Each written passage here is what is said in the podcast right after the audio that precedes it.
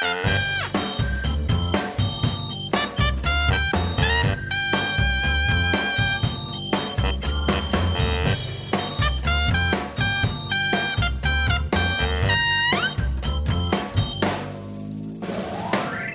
gaan er vandaag een extra bijzondere aflevering van maken, want de kerken staan centraal. We eindigen in de gereformeerde gemeente en we beginnen in de christelijk gereformeerde kerk met Patrick en Jeffrey. Jazeker. Hebben we, zo, dan is het wel een hele reformatorische uitzending vandaag. Ja, dat klopt ja. Dat is ook na, na opwekking. We hebben eh, een weekend lang hebben we toch wel eh preesje hees gedaan. Ja, Ja. jij dan? Ik niet hoor. Nou ja, ik, ik zat achter de livestream wel behoorlijk te prezen. Ja? Dacht ik, nu moeten we toch even naar het reformatorische geluid. Ja, heel goed. Ja. Belangrijk ook. Heel belangrijk. En eh, daar ga jij nog da- dadelijk veel meer over eh, vertellen, want je bent met dominee de Heer geweest in Jazeker, Middelburg. Natuurlijk jazeker. een historisch moment hè, voor CIP, dat begrijp je. Prachtig moment. Ja, daar hebben we jaren naartoe gewerkt. Ja, En eh, dat is, dat is een, eigenlijk het hoogtepunt van de uitzending, want we beginnen met kerkelijke sores. dieptepunt. Ja, Ja, als dat het hoogtepunt is, is dat het dieptepunt. Ja, We het dieptepunt we van de hebben maar twee onderwerpen. inderdaad. maar het is wel, het is, het is, ja, we lachen, maar het is natuurlijk niet zo fijn, hè? Het is niet fijn, nee. Ik kan me nog herinneren, eh, een paar maanden geleden zat ik hier met Dick. Eh, toen, toen spraken we ook over de christelijk gereformeerde kerk, over eh, de crisis die daar gaande is. Mhm. En toen hadden we het over de brandweer.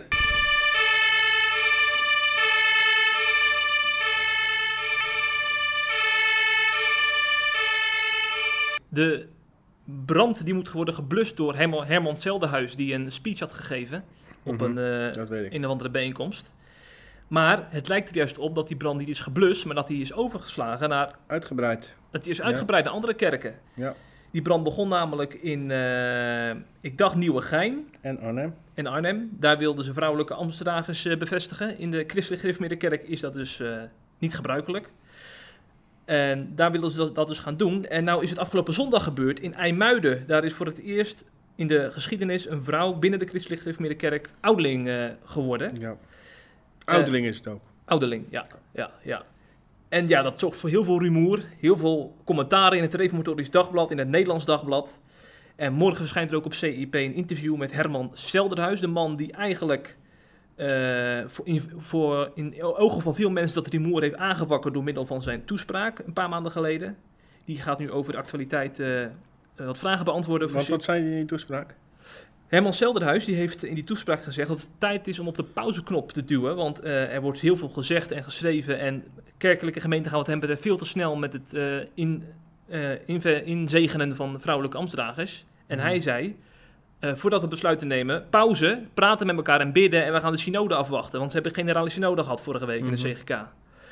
En die toespraak van Selderhuis is in veel kringen verkeerd gevallen. Omdat hij Ja. ook heeft gezegd van wanneer je eh, vrouwelijke ambtsdragers eh, gaat bevestigen op dit moment, dan eigenlijk plaats je dan buiten het kerkverband, wat je nu ook natuurlijk heel veel hoort. Ja.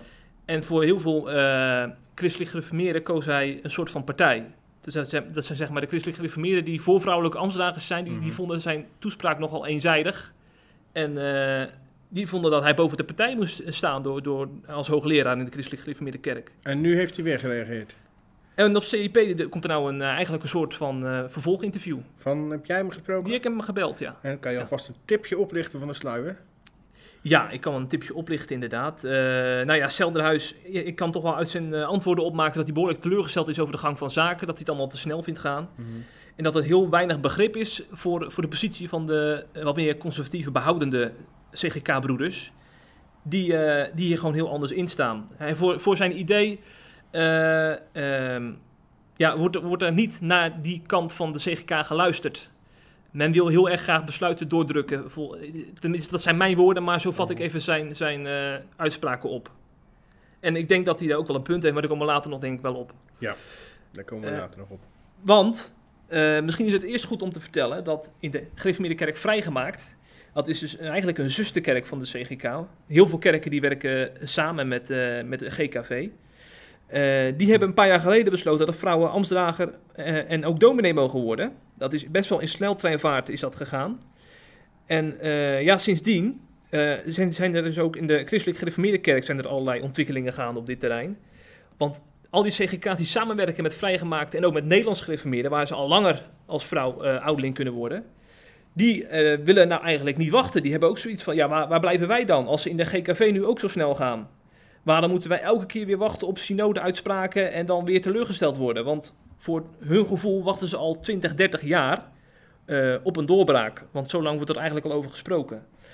En ehm, eh, vandaar ook dat ze in Arnhem en, Nij- Nieuwegein eh daar wat druk op hebben gezet eind vorig jaar. Toen is ook in Arnhem besloten dat het eindelijk zover was. Toen zijn er heel veel klachten binnengekomen, boze brieven binnengekomen van behoudende CGK. Ze hebben dat besluit weer teruggedraaid. En eh, nou hebben ze een paar weken geleden toch besloten om het toch weer in een eigen eh, lijn door te zetten. Dus door toch binnenkort met vrouwelijke ambtenaren te komen. Zonder de synode af te wachten. Ja, ja. Ja. Ze vinden dat het wel welletjes is. Ja. Maar daarmee zeggen ze dus eigenlijk, we beginnen een eigen kerk. Ja, dat, dat zou je ook zeg maar de CGK-broeders zeggen Ja. die erop tegen zijn. Hè? Van eh, ja, je, je plaatst jezelf op deze manier buiten onze kerk. Ja, die positie wordt onhoudbaar, lijkt me, Ja, ja. van die gemeente. Maar misschien is het goed om, om uit te leggen waarom ze eigenlijk vinden eh, dat, dat ze niet meer kunnen wachten Mhm. op, op de generale synode. Vertel. Eh, want Wim Groeneweg, hij is eh ouderling in Nieuwegein. Hij leidt daar een samenwerkingskerk. En hij, hij stelt dat... ehm, eh, ja, je hebt zeg maar een verschil tussen bijbelse principes... Die je, die je moet aanhouden en vers- verschil van interpretatie en mening op basis van de Bijbel. En hij zegt dan ook, ja, het is natuurlijk wel ooit op een synode in 1998 is wel besloten dat vrouw in het ambt niet te lijn is in de CGK. Mhm. Maar het is niet bestempeld als onbijbels. Sterker nog, als je eh, eh, met dominee Buis spreekt, de voormalig synode-voorzitter van de CGK, Ja. die zegt ook dat je als individu in de CGK van mening mag verschillen hierover. Die ruimte is er. Dan heeft hij letterlijk gezegd, Heeft ja? hij wel eens gezegd, ja. Ja, Opvallend trouwens, van Buis. ja, ja. Maar hij, hij legt dus inderdaad, hij, eh, voor hem is de grens om die eh, vrouwen ook daadwerkelijk in te zegenen als ouderling. Want dat, dat vindt hij dus duidelijk eh, een, een, een, ja, te ver gaan, want dat is niet de afspraak. Dat hebben ze in- bij die synode in 98 ook duidelijk gezegd. Dat dat de lijn is in de CGK. Dit is een bijzondere positie waar deze- waarin deze kerken zich bevinden. Want zij werken dus samen met vrijgemaakte Nederlands gereformeerden. En daar kunnen wel vrouwen dienen als ouderlingen en diaken. Ja. Daarom als, is ook ook als voorganger trouwens, of alleen ouderling en diaken? In de, eh, in de GKV en NGK Ja, ook als ook voorganger. ja, Ja. ook als voorganger. Ja. Nou hebben ze dus de afspraak gemaakt van dat eh, in samenwerkingskerken eh, de lijn van de CGK leidend is. Om zo ook gedoe te voorkomen. Ja. Dat heeft dominee Buis, die tot voor kort voorzitter was. Nu Mhm. is dat ze dominee Scheenhuis is vorige week ja, trouwens. Ja, klopt. Bij deze nog van harte gefeliciteerd dominee uh, Scheenau uit Nunspeet. Want dat is toch een mooie, ja, dat is toch een mooie prestatie voorzitter van de synode worden. Goede reden voor een interview, Ja, lijkt me. Ja ik, ga, ik ga Scheenau binnenkort bellen. Ja, doe dat. ja, ik denk dat hij nu al eh, bij de telefoon eh, Ja, afwachtend zit te wachten. zit te wachten. Ja, dus eh, na de podcast Direct. gaan we Scheno bellen. Ja. Maar terug naar Buis.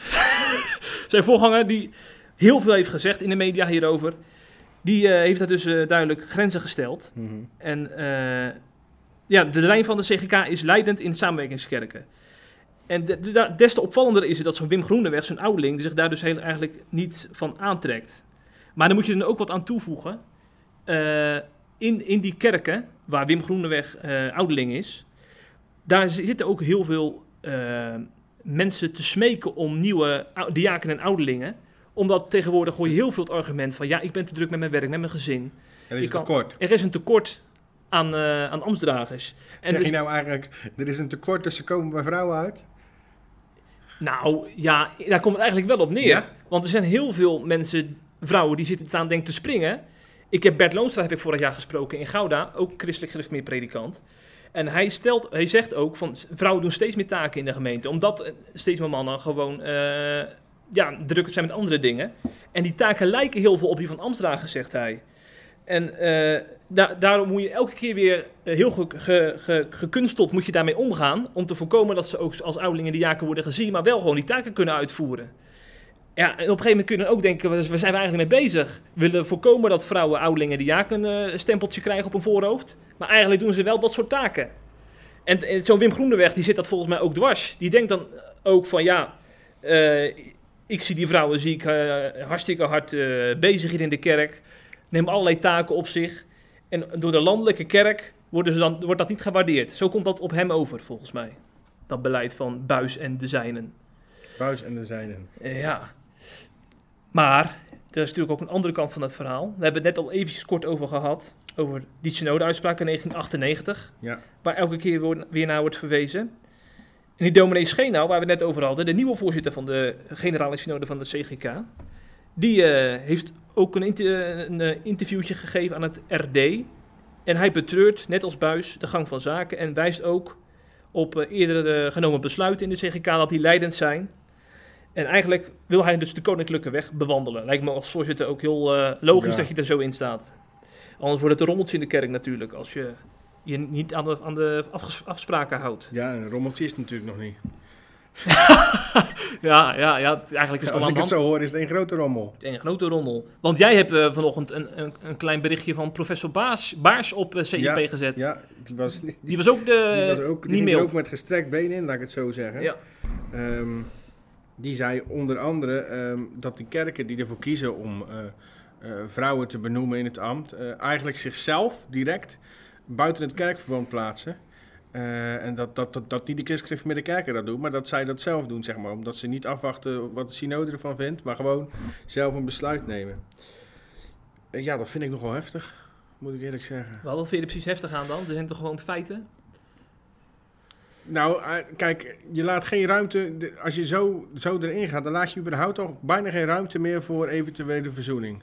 Of voor eventuele gesprekken waarop er misschien toch een manier gevonden wordt om samen verder te gaan. Eigenlijk zeg je gewoon, eh, zet je er al een streep onder. Ja. Dat proefde ik een beetje in die woorden van hem. Ja. En nou, dat vind ik inderdaad wel heftig. Want er zijn, zijn er inmiddels niet genoeg kerken. Ja, nou ja, eh, alleen al, kijk alleen al in het gereformeerde spectrum, wat we dan allemaal hebben. We hebben christelijk gereformeerd, Nederlands gereformeerd, gereformeerd vrijgemaakt. Je hebt ook nog een aantal die bij de vrijgemaakt zijn afgehaakt. Volgens Ja. mij gereformeerde kerk Nederland Ja. of zo. Die zijn het hier met de vrijgemaakte niet eens. Dat bedoel ik. Ja, ze kunnen al een tijdje doorgaan. Ja, nou ja, dat zegt. En ik vind dat überhaupt een heel raar gegeven. Ik bedoel, ik, ik, woon, ik woon in Tolen. Ehm, er is één voetbalclub. Daar komt iedereen die van voetbal houdt naartoe.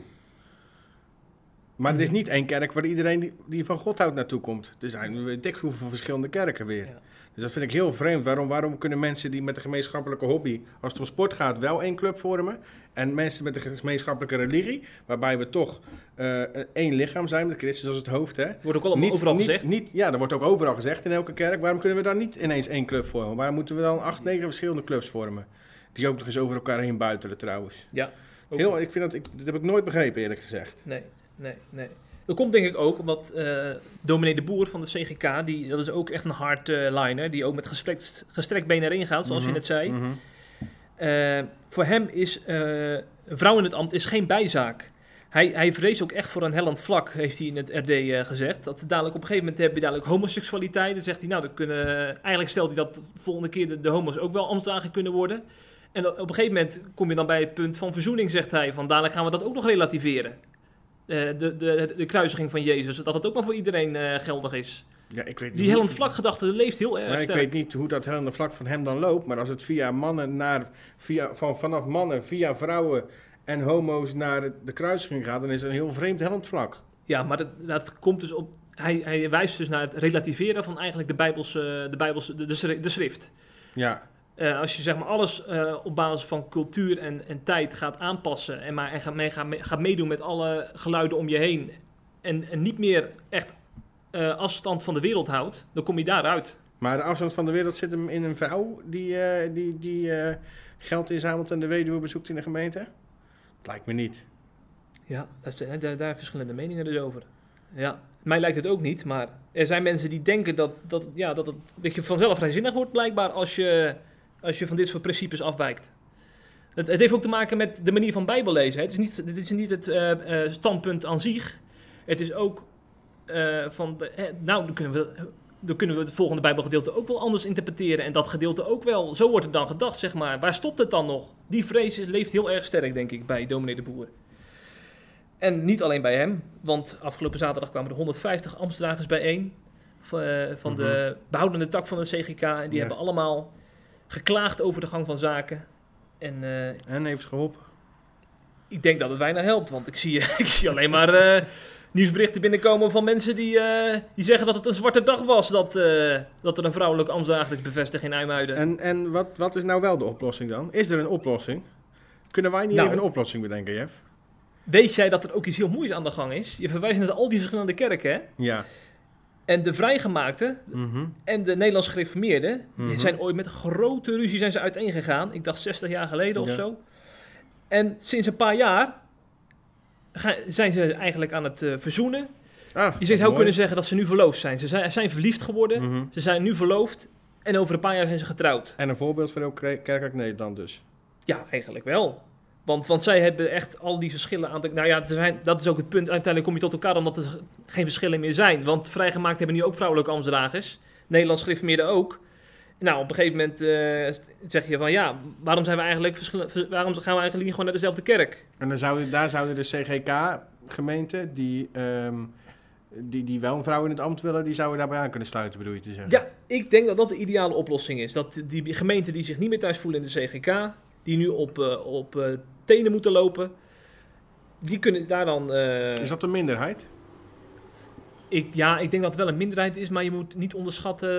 Het is geen kleine minderheid, denk ik hoor. Want het is natuurlijk ook nog een optie dat de andere kant zich aansluit of samengaat met ehm, eh, een andere kerk die bij een kerk is weggelopen. Ja. Nou, het probleem is... Het probleem is, dit is, dit is geen 50-50 kwestie. Je hebt niet de helft is voor Amstdragers en de andere helft tegen. En ook Ja. heel, de stille meerderheid heeft volgens mij, eh, is, is neutraal. Want die Ja, maar die ook- moet gaan kiezen natuurlijk. Ja, ja. Of, of een voorganger kiest. Va- Vaak zie je ook dat het per kerk gaat. Hè? Dat heb je bij die scheuring van PK van hervormd eh, en hersteld hervormd ook gezien. Er zitten er heel veel mensen die eigenlijk best PKN hadden willen blijven, hervormd hadden willen blijven.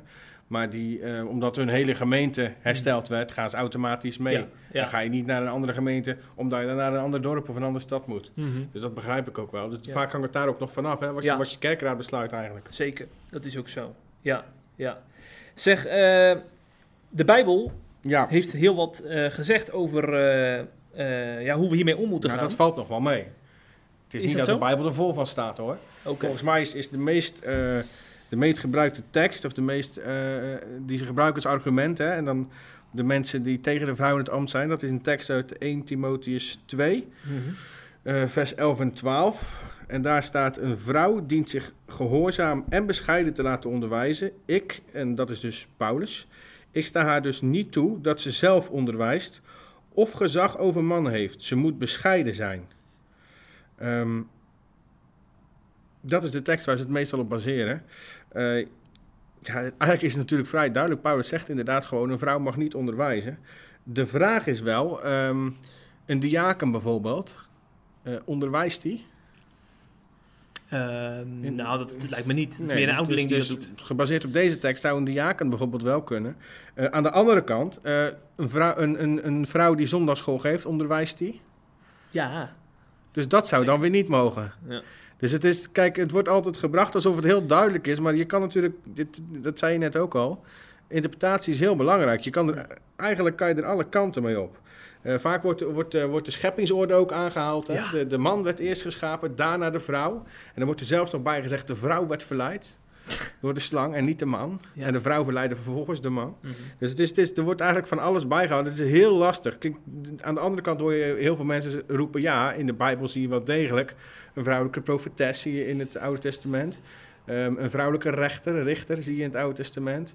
Eh, in het Nieuwe Testament zie je verschillende vrouwen met een bediening. Dus het is niet zo heel zwart-wit als de meeste mensen denken. Zowel de voorstanders als de tegenstanders van de vrouw in het ambt, denk ik. En daardoor blijft er natuurlijk ook altijd discussie. Zeker, ja. Uiteindelijk wachten op een volgend onderwerp. Want je kan over tig thema's kun je op die manier Ja, discussiëren. kijk, de, de overkoepelende discussie is eigenlijk... ehm, eh, in hoeverre moet je de Bijbel nu cultuur en tijd gebonden lezen? En dat krijgen we natuurlijk bij heel veel thema's. Hè? Dat hebben wij al eerder besproken, ook bijvoorbeeld bij homoseksualiteit. Ehm, en dit, dit is dat eigenlijk weer zo. Moet je de Bijbel puur en alleen lezen van ja, dat was die cultuur, die tijd. Ja, dan kom kan je inderdaad ook wel op een hellend vlak terechtkomen. Aan de andere kant moet je natuurlijk altijd context betrekken bij wat je leest. Altijd is, Paulus schrijft bepaalde dingen met een reden naar een bepaalde gemeente, in een bepaalde tijd, in een bepaalde situatie.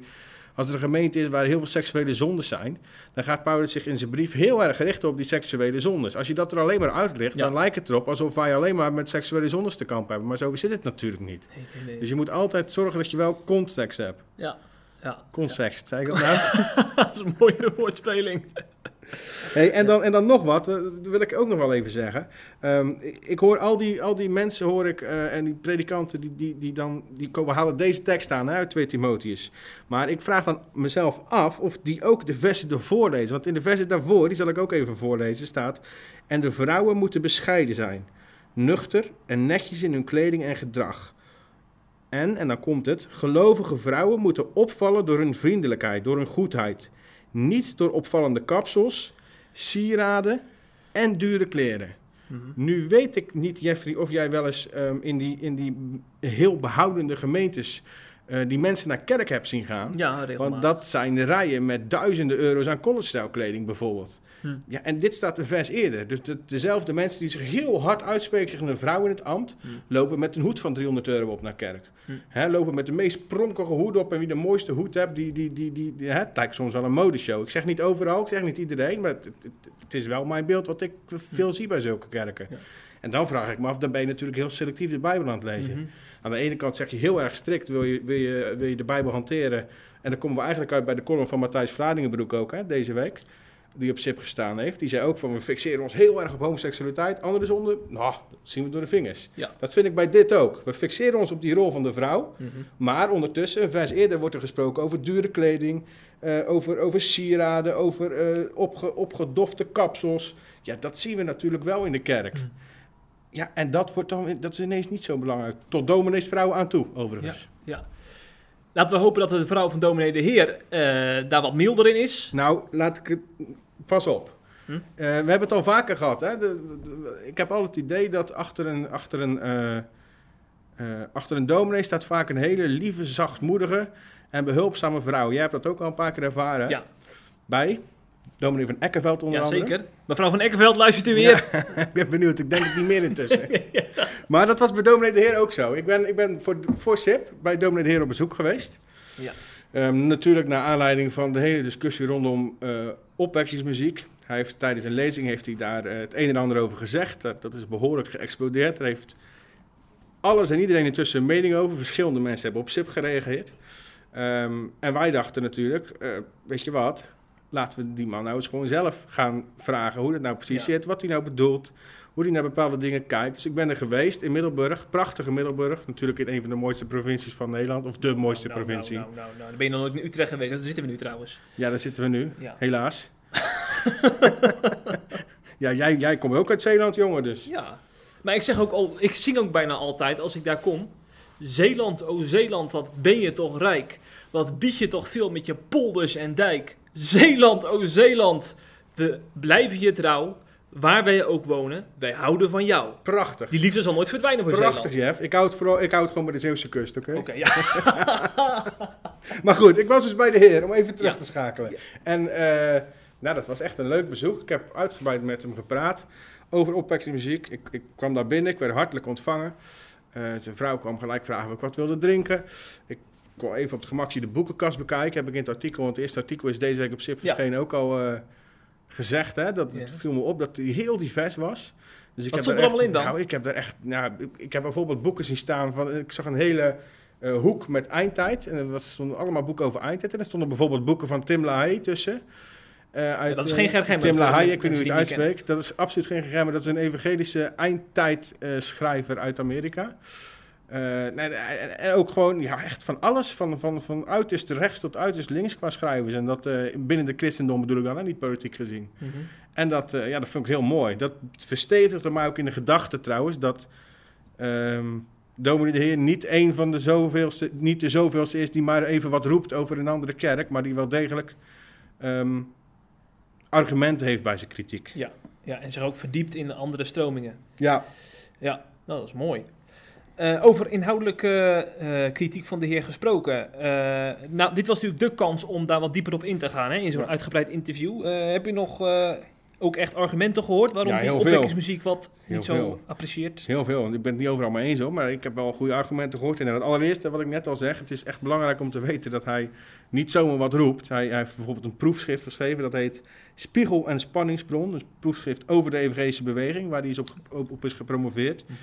Ehm, hij is eh, journalist geweest bij het Reformatorisch Dagblad. En in die, toen had hij de evangelische beweging in zijn portefeuille. Dus hij heeft opwekking meerdere keren bezocht. Hij is op de jongerendag geweest. Dus die man weet echt wel heel goed waar hij over praat. Het is niet dat hij zomaar wat roept. Dat is echt allereerst belangrijk om te weten. Ja. Want ik heb al lezers gezien en reacties gezien van mensen die denken dat hij zomaar wat roept. En dat is absoluut niet het geval. Mhm. Ehm, en inhoudelijk, ja, kijk, ik, zijn gevoel over eh, dat de focus op gevoel ligt bij opwekkingsmuziek. Eh, ja, ik kan daar wel gedeeltelijk in komen. Iedereen roept wel dan wel heel hard. Nou, gevoel is wel degelijk belangrijk. Dat ontkent hij ook niet. Hij zegt alleen, ik wantrouw het. En hij zegt erbij, doordat je van bepaalde muziek, opwekkingsmuziek, een goed gevoel krijgt, ga je de inhoud sneller accepteren. Ben je niet meer zo snel kritisch op de inhoud. Dan kijk je daar eigenlijk niet meer kritisch naar. Ja, het klinkt lekker, dus Je voel je er lekker voor, ja. je voel je er vrolijk door, je voel je getroost, je voel je fijn. En daardoor krijg je, word je al heel snel minder kritisch natuurlijk. Dat is natuurlijk bij alles zo Ja. in het leven. Dus daar heeft hij wel degelijk een punt. Overigens is het wel goed om te weten, met opwekkingsmuziek bedoelt hij dus niet alleen opwekkingsliederen. Eh, met opwekkingsmuziek bedoelt hij, bedoelt heel veel verschillende soorten religieuze muziek. Ja, hij noemt ook Gerald Troost, hij noemt Christian Verwoerd, hij noemt Sela. Eh, dus het gaat hem niet alleen om de liederen die van de stichting Opwekking, zeg maar. Mhm. Ook wel een groot gedeelte, hoor, maar niet alleen. Ja. Ja. Ehm, en verder, eh, wat ik wel zo vind... eh, kijk, hij, hij, hij zegt ik wantrouwgevoel, maar in zijn eigen kerkverband... eh, en in veel andere delen van de reformatorische gezinte... ligt de focus natuurlijk enorm op de bevinding van het geloof. over gevoel gesproken. Over gevoel gesproken, ja. hè. Dat is natuurlijk bij de bevinding ligt het gevaar van gevoel natuurlijk ook enorm op de loer. Ik denk dat dominee dat ook wel zou herkennen. Ehm, en wat ik ook een heel goed, heel goed punt vond, is dat hij, dat hij sprak over... eh, hij is natuurlijk meerdere keren op die ev- evangelische bijeenkomsten geweest. Ja. En eh, wij weten allebei natuurlijk ook hoe dat er gaat. Er komt altijd een moment waarop je naar voren mag komen. Hè? Mhm. Dan komt er een, eh, en, en hij zei dat, hij zich, dat, dat hem altijd was opgevallen dat het een heel geregisseerd moment is. Heel geregisseerd, daar wordt heel bewust naartoe gewerkt. En hij vertelde met heel verhalend ook, ik heb echt aan zijn lippen gehangen. Eh, hij vertelde dat de muziek dan zachter werd en de woorden worden zoeter en mensen, alles wordt zachter en kom maar, kom maar. En, en dat, dat er heel bewust in die samenkomst, onder andere Eeuwjongerendag, opwekking, maar ook überhaupt in een evangelische bijeenkomst, naartoe gewerkt wordt. En daar heeft hij Ja. natuurlijk gewoon gelijk in.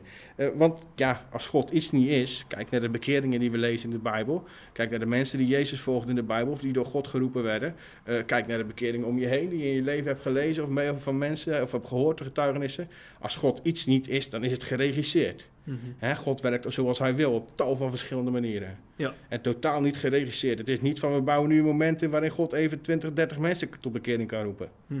Zo werkt God niet. Dus daar heeft hij ook wel weer een belangrijk punt, denk ik. Ja, ja, ja. Oké, eigenlijk eh, eh, ben je het wel grotendeels ook eens met... eh, ja, met deze punten. Hij heeft natuurlijk nog veel meer genoemd. ja. Hij gaat bijvoorbeeld ook nog in, ehm, daar komt nog in het tweede, tweede artikel, wat op SIP komt volgende week, op, op bijvoorbeeld instrumenten in de eredienst. Nou, daar ben ik het dan weer niet helemaal mee eens.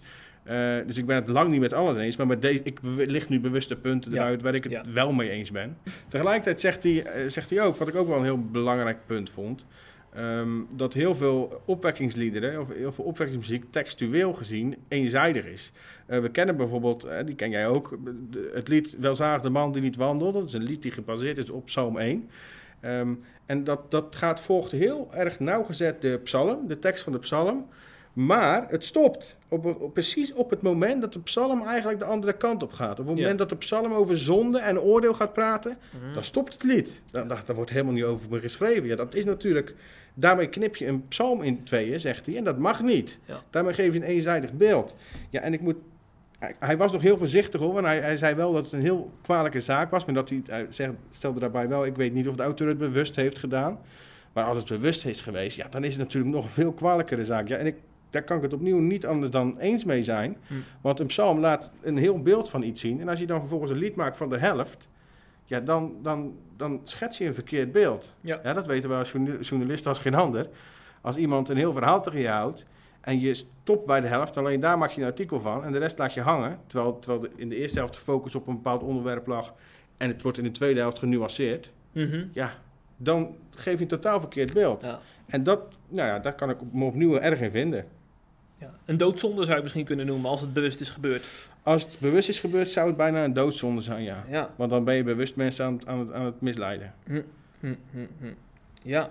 Ah, dit, en dit zijn natuurlijk echte argumenten, hè? want die, die mensen die dan elke keer over de Heer vallen omdat hij eh, zo nodig een andere eh, christelijke stroming af wil kraken, die, die, eh, die, komen nu, die hebben nu een koude douche, want Ja, dit jaar gaat er maar eens inhoudelijk op in dan, hè? Ja. Hè, kijk, je kan wel heel hard gaan roepen van, oh, daar komt hij weer en hij moet weer eh, even, laat hem, laat hem zich druk maken om zijn eigen kerk. En eh, hè, je, je kent Ja, alle, ja. alle dingen wel. Eh, reageer nu eens op die inhoudelijke argumenten, want Ja. daar komt u nu mee. Daar kwam u overigens toen ook al mee, hoor. Mhm. Maar reageer daar dan eens op. Ja. Want dat, dan krijg je een inhoudelijk gesprek natuurlijk. Hè? En luister vooral, luister. Want ik, ik moet eerlijk zeggen dat ik vooraf, helemaal vooraf, ehm, ook een, een, vrij kritisch was. En ik ben toch over bepaalde dingen anders gaan denken. Net als jij overigens. Oh, Want oh. jij hebt er een column over geschreven, vriend. Ja, die staat er vandaag op op CIP. Hè? Vertel. Ja. Nou ja, toen ik dat interview eh, las, toen... eh, ik, ik, ik krijg al dan op een bepaald moment, vaak op zondagmiddag valt mij op, krijg ik inspiratie voor een column. Op zondagmiddag, dat zei je de vorige keer ook al. ja, dat is heel gek. Ja, Op zondagmiddag denk ik aan alles behalve aan schrijven. Ja, ja dan, is, dan is alle stress is dan bij mij weggezakt van, van de zaterdag. Want dat is mijn, dat is mijn rustdag. Hoe kan je dan stress hebben? Oh, op zaterdag is de stress van de week weggezakt, Ja, bedoel je? ja, die is dan weg. En zondag dan, dan lig ik daar en dan denk ik na over, over het leven, over wat ik allemaal gelezen heb die week. En dan komt er opeens een column in mij naar boven. En dit keer was het dominee de Heer. En eh, ik voelde me eigenlijk ik voelde me slecht toen ik, toen ik dat interview las. Waarom voelde ik me slecht? Ik, ik heb vroeger ben ik boos geweest op dominee de Heer. Omdat hij heeft natuurlijk ook een boek geschreven over de evangelische beweging. Ja. Hij heeft veel interviews gedaan waarin hij toch negatieve dingen over de evangelische beweging zei. Dat En het was nog de tijd dat ik net die beweging had ontdekt. En ik al die opwekkingsliederen, ik, ik, ik, ik dronk ze op als, als ja, Als een hert dat verlangde naar water. als- ja, ja, ja, dat zeg je precies. Als een hert dat net aan de jacht ontkomen was. Ah. Ja. Zo dronk ik zo op die opwekkingsliederen. Ja, en ik maar zingen daar achter mijn bureau. En dan lees je zo'n artikel in het Reformatorisch Dagblad. Als je bij een vriend op bezoek bent. En dan denk ik van, nou... Dan denk ik, dominee de heer. U mag zeggen wat u wil. Maar ik lees niet meer verder. Ik blijf lekker zingen. En ik vind u, ik vind u een vervelende dominee. Dat dacht ik toen. Maar toen las ik nu... eind- Eindelijk ging ik mij eens in die argumenten van hem verdiepen. En toen dacht ik van, ja, eigenlijk, verrek, eigenlijk heeft hij wel een punt. En ik was het ook, inderdaad, Lastig net als is dat, jou, op sommige punten met hem eens. Lastig, hè? Ja. En dan denk je dus, jarenlang heb ik die man, ook op verjaardagen, heb ik negatief over hem gesproken. Heb ik hem een beetje weggezet als een oudbollige dominee, die ook maar wat roept uit zijn ivoren toren en zich moet bemoeien met zijn eigen kerk. En jaren later ontdek je dan van, dat is niet terecht geweest voor mij. Ja. Dus ik dacht, nou, ik ga een kolompje schrijven. Eh, met het spijt me erboven. En eh, uit, uitgelegd waarom zeg maar, het fout is om vooroordelen over iemand te hebben en je niet in de ander te verdiepen. En dat het ook, ik vind het ook echt zondig. Ik heb het ook in de laatste linia gezet. Dat het onchristelijk en zondig is om zo over je medebroeders te, te, te spreken. En toen heb ik daaronder ergens sorry gezegd tegen dominee de Heer. Hij is geen vijand, maar een broeder. Daar kwam het op neer. Ja, bij de heer. Ja. Ja, maar hey, en heb je de column ook naar hem toegestuurd? Nou, ik, eh, ik begreep dat hij die nog wel onder ogen gaat krijgen eh, Ja, via ja. een andere weg. Dus ja, Ik heb afgesproken dat ik alle reacties op zijn artikelen zou sturen. ja. Ehm, dus dat ga ik ook doen en daar hoort die column natuurlijk zeker bij. Ja. Want er komen natuurlijk nog meer columns aan. Of columns, wat zeg ik? Nog meer eh, artikelen met de heer. Oh, oh ja. Eh, we gaan het onder andere nog hebben over de. Of we. We hebben het onder andere gehad over muziekinstrumenten in de kerkdienst. Waarom bijvoorbeeld dat orgel nu zo, zo, zo, zo vaak gebruikt wordt en is dat dan heilig? Eh, wat is het, hij, hij heeft een heel mooi onderwerp. Het verschil tussen het Oude Testament en het Nieuwe Testament als het gaat om muziek in de dienst. ja. Want eh, heel veel mensen komen altijd met de reden: ja, maar het volk Israël, allerlei instrumenten. Hè? En toen ze over de Rode Zee of de Dode Zee heen waren, gingen ze dansen en in de rijen. en, maar hij zegt: ja, wacht even. Er is een heel groot verschil tussen de, de, de, de eredienst in het Oude en in het Nieuwe Testament. Aha. Daar gaan we het ook bijvoorbeeld nog over hebben. We hebben het over gehad. En hij gaat op eh, Arjan Baan en Dominee de Jong reageren. Ja. Dus hou zeker de komende weken op maandag CIP in de gaten. Ja. Want dan eh, staat hij erop. De komende drie weken nog. ja. Overigens is het wel C+, dus Word CIP Plus lid. als je de heer wil lezen. Ja. ik, wou- ik dacht, je wil zeggen als je de heer wil, wil dienen, maar dat nee, gaat nee, een beetje... nee, nee, je bedoelt de andere heer. Ik ben niet evangelisch, hè, Jeffrey? Nee. ja, nee, maar dat zou mooi zijn als al deze luisteraars inderdaad CIP Plus lid worden. Eh, want eh, ja, dan kunnen we, dat scheelt ook heel veel eh, energie. Want door al dat geld dat binnenstroomt, kunnen wij ook weer nieuwe ideeën ontwikkelen. Zoals we bijvoorbeeld een videopagina hebben ontwikkeld de afgelopen jaren. Ja, de, de, de mankracht hebben om, om video's te maken met Ja. eh, interessante gasten. steeds meer columns Maak- van andere gasten, van andere, ja, andere mensen. publiceren. Steeds meer dominees interviewen, hè, want dat kost natuurlijk ook geld. Hè? Ja. Ik, ben, ik, ben, ik ben een hele middag weg geweest. Toch een halve, bijna een hele dag als je bij zo'n de heer op bezoek gaat. En mijn auto rijdt nog steeds niet op water. Nee, precies. Helaas niet. Dus mooi dat de CIP Plus leden dit allemaal mogelijk maken. En zo ook het land dienen en inspireren met eh, het evangelie. Wat een heerlijk marketingpraatje. Ja, alsof ik ervoor gestudeerd heb, Ja, wou je zeggen. Zullen we nu gewoon een ijsje gaan eten? nou, daar is het wel weer voor Zo, inderdaad. wat is het warm, hè? Ja, op het moment dat de podcast wordt opgenomen, is ja, ja wat, wat moeten we ervan zeggen? Bloedhitte, gewoon Bloedhitte, bloedhitte. ja. Dat- Bloed- Opwekkingshitte. Da- daar komt het op neer. Opwekkingshitte. Ja, ja. Nou, dan gaan wij bij deze de hitte in Ja. met een ijsje. Precies. En wij zeggen tot de volgende keer. Tot volgende week.